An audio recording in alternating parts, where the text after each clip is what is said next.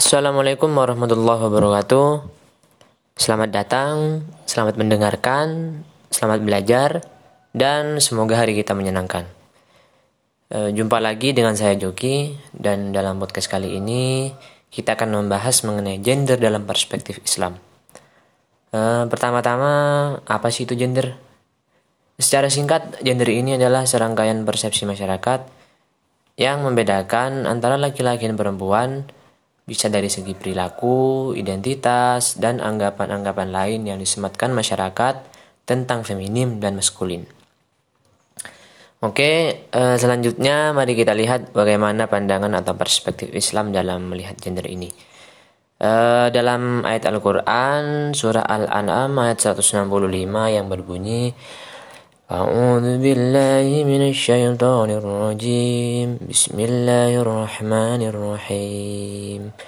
وهو الذي جعلكم خلائف الأرض ورفع بعدكم ورفع بعدكم فوق بعد درجات ليبلوكم فيما آتاكم.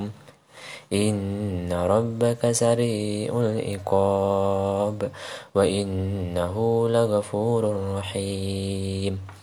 Yang artinya dan dialah yang menjadikan kamu penguasa-penguasa di bumi dan dia meninggikan sebahagian kamu atas sebahagian lain beberapa derajat untuk mengujimu tentang apa yang diberikannya kepadamu Sesungguhnya Tuhanmu amat cepat siksaannya dan sesungguhnya dia maha pengampun lagi maha penyayang.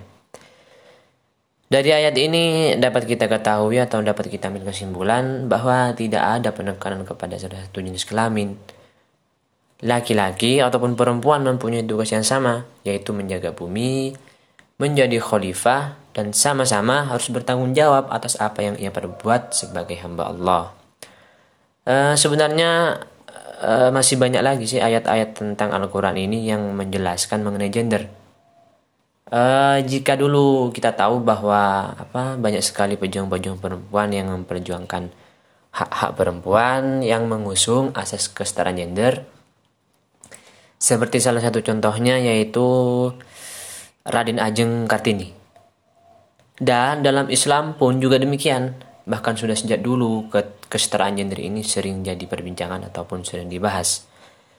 Memang tidak tertulis secara jelas dalam Al-Quran atau hadis tentang gender, tetapi dapat kita lihat dan kita amati dari penempatan kata seperti ayat yang saya bacakan sebelumnya di atas. Di sana tidak ada sekali keberpihakan eh, baik laki-laki ataupun perempuan yang secara kasar itu sama tidak ada apa istilahnya tidak ada penekanan. Uh, mereka sebenarnya semuanya adalah memiliki tanggung jawab yang sama dan yang membedakan hanya kodratnya masing-masing. Uh, jika perempuan idealnya itu takdirnya adalah memiliki apa memiliki perangai yang lemah lembut uh, pandai memasak perasa dan biasanya orangnya sensitif. Dan laki-laki juga memiliki takdir yang idealnya itu berjiwa pemimpin, tegas, pelindung, dan biasanya menjadi kepala keluarga. Uh, adapun apa ya dalil-dalil Al-Qur'an yang banyak menjelaskan tentang atau yang menjadi acuan lah tentang gender ini.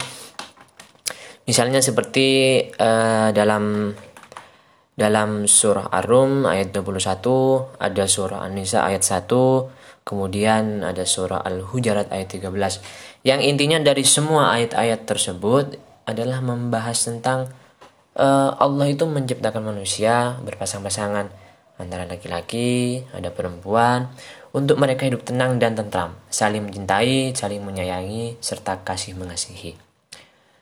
Uh, secara jelas dapat kita ketahui bahwa ayat-ayat di atas itu mengharapkan agar adanya apa ya ada sebuah timbal balik yang baik antara laki-laki dan perempuan. Uh, dan tidak satu pun dalam dalam ayat ini tuh mengindikasikan adanya superioritas ataupun mengunggulkan salah satu jenis. Atau misalnya laki-laki diunggulkan perempuan diunggulkan tidak. Semuanya sama. Uh, untuk pada intinya atau kesimpulannya uh, dapat kita ambil sebuah pembelajaran bahwa dalam Islam ini gender memang sangat benar-benar diperhatikan. E, misalnya tentang keadilan yang sangat diutamakan antara hak laki-laki dan perempuan itu sering-sering dibahas di dalam Islam.